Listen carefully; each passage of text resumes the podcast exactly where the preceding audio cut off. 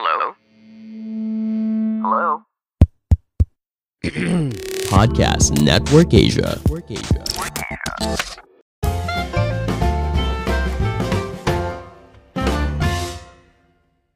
Halo semuanya, kembali lagi bersama saya Madianto. Kali ini kita akan membahas tentang cara mudah untuk menabung. Siapa yang resolusi tahun 2020 ini mengumpulkan uang alias menabung? Ini salah satu resolusi penting yang harus diwujudkan.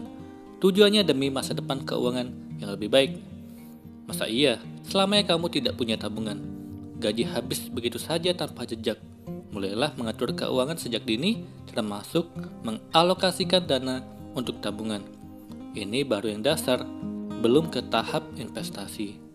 Memiliki tabungan sangat krusial, apalagi kalau kamu kena musibah, seperti terkena PHK, mendadak sakit, membayar utang, dan kebutuhan lainnya. Tabungan dapat menjadi penyelamat saat kamu tidak punya dana darurat. Sementara isi kantong sudah habis, daripada gali lubang tutup lubang, lebih baik menggunakan dana tabungan. Menabung sebenarnya bisa di mana saja. Hal yang penting yaitu komitmen dan disiplin menyisihkan uang setiap bulan, atau kalau perlu setiap hari.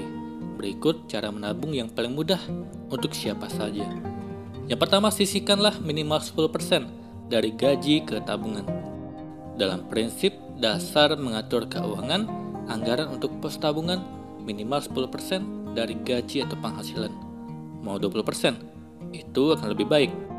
Kalau kamu sedang dalam tahap belajar mengelola keuangan, menyisihkan 10% sudah bagus.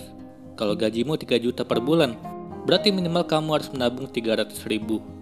Langsung sisihkan ketika kamu terima gaji atau penghasilan. Jangan menunggu dari sisa gaji karena biasanya tidak sesuai kenyataan. Inginnya menabung, tetapi lihat pakaian, sepatu, tiket murah. Menabung hanya sekedar angan-angan. Kedua, masukkan dana tersebut ke rekening tabungan. Orang zaman sekarang harusnya sudah melek keuangan. Ada bank sebagai wadah mengumpulkan dan menyimpan uang dengan aman. Jadi tidak perlu lagi menyimpan uang di bawah bantal atau kasur maupun di lemari baju.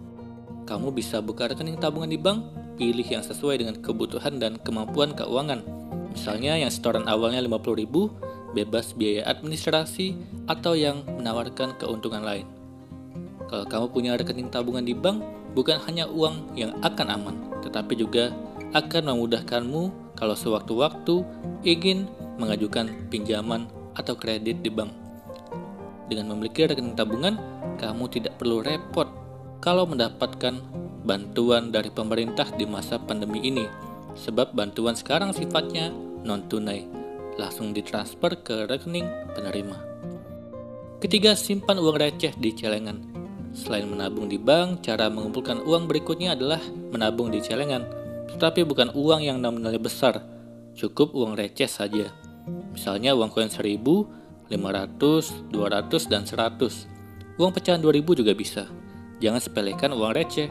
Kalau dikumpulkan setiap hari, lama-lama akan banyak. Menabung 2000 setiap hari, kalau rutin selama 5 tahun, bisa mencapai 3,6 juta. Sudah cukup untuk membayar DP kendaraan. Itulah kekuatan uang receh. Keempat, menabung sesuai tanggal. Cara ini bisa kamu terapkan untuk yang susah menabung jumlah besar sekaligus. Menabung sesuai tanggal maksudnya adalah nominal uang yang disimpan mengikuti tanggal dan dimulai dari 30 atau 31 setiap bulan. Contohnya bulan Januari 2021 ada 31 hari. Tanggal 31 menabung 31.000, tanggal 30 sebesar 30.000, tanggal 29 menyisihkan 29.000, begitu seterusnya. Maka total tabunganmu dalam sebulan akan menjadi 456.000. Dengan cara tadi tidak akan terlalu menjadi beban keuangan. Tetapi ingat, jangan sampai lupa menabung. Terlewat sehari saja, target menabungmu bisa buyar dan kemudian jadi malas lagi menyisihkan uang. Oleh karenanya pasang alarm di ponsel sebagai pengingat. Tidak ada alasan lagi untuk mangkir menabung demi tujuan. Kali ini kita akan membahas tentang gaya hidup minimalis untuk mengajarkan kita hanya memiliki yang dibutuhkan saja. Minimalisme merupakan suatu prinsip atau konsep pemikiran dalam menjalani hidup yang sederhana. Gaya hidup minimalis mengajarkan kita untuk memiliki hanya apa yang kita butuhkan dan mengurangi sesuatu yang tidak begitu diperlukan. Gaya hidup minimalis banyak diterapkan oleh masyarakat Jepang. Salah satu yang menginspirasi banyak orang mengenai hidup minimalis adalah penulis Marie Kondo dan Fumio Sasaki.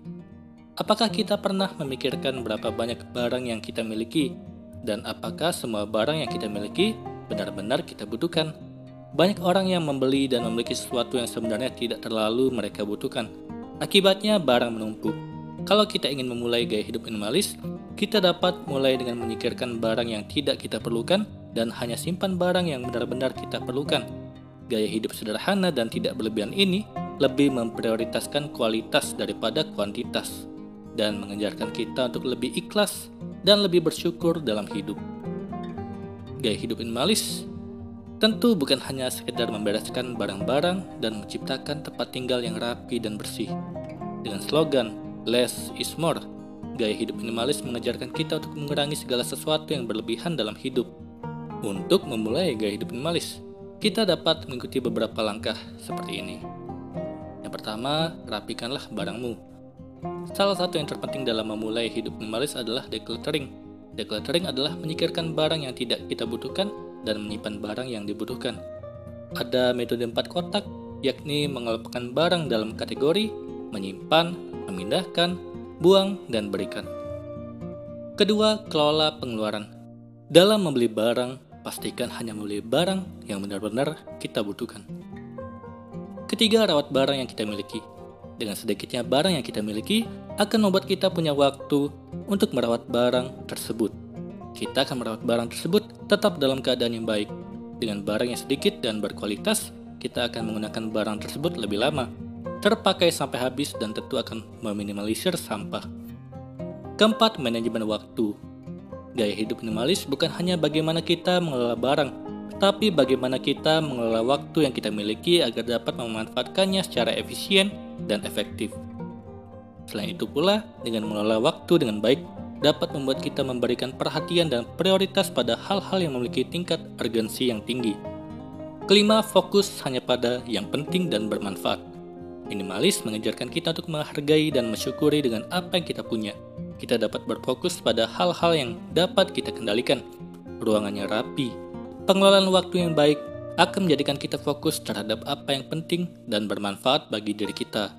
Hal tersebut juga bermanfaat agar kita terhindar dari stres. Itulah tadi gaya hidup minimalis yang mengajarkan kita memiliki hanya yang kita butuhkan. Semoga ini bermanfaat. Sekian dan terima kasih. Pandangan dan opini yang disampaikan oleh kreator podcast, host, dan tamu tidak mencerminkan kebijakan resmi dan bagian dari podcast Network Asia. Setiap konten yang disampaikan mereka di dalam podcast adalah opini mereka sendiri dan tidak bermaksud untuk merugikan agama, grup etnik, perkumpulan, organisasi, perusahaan, perorangan, atau siapa pun dan apa pun.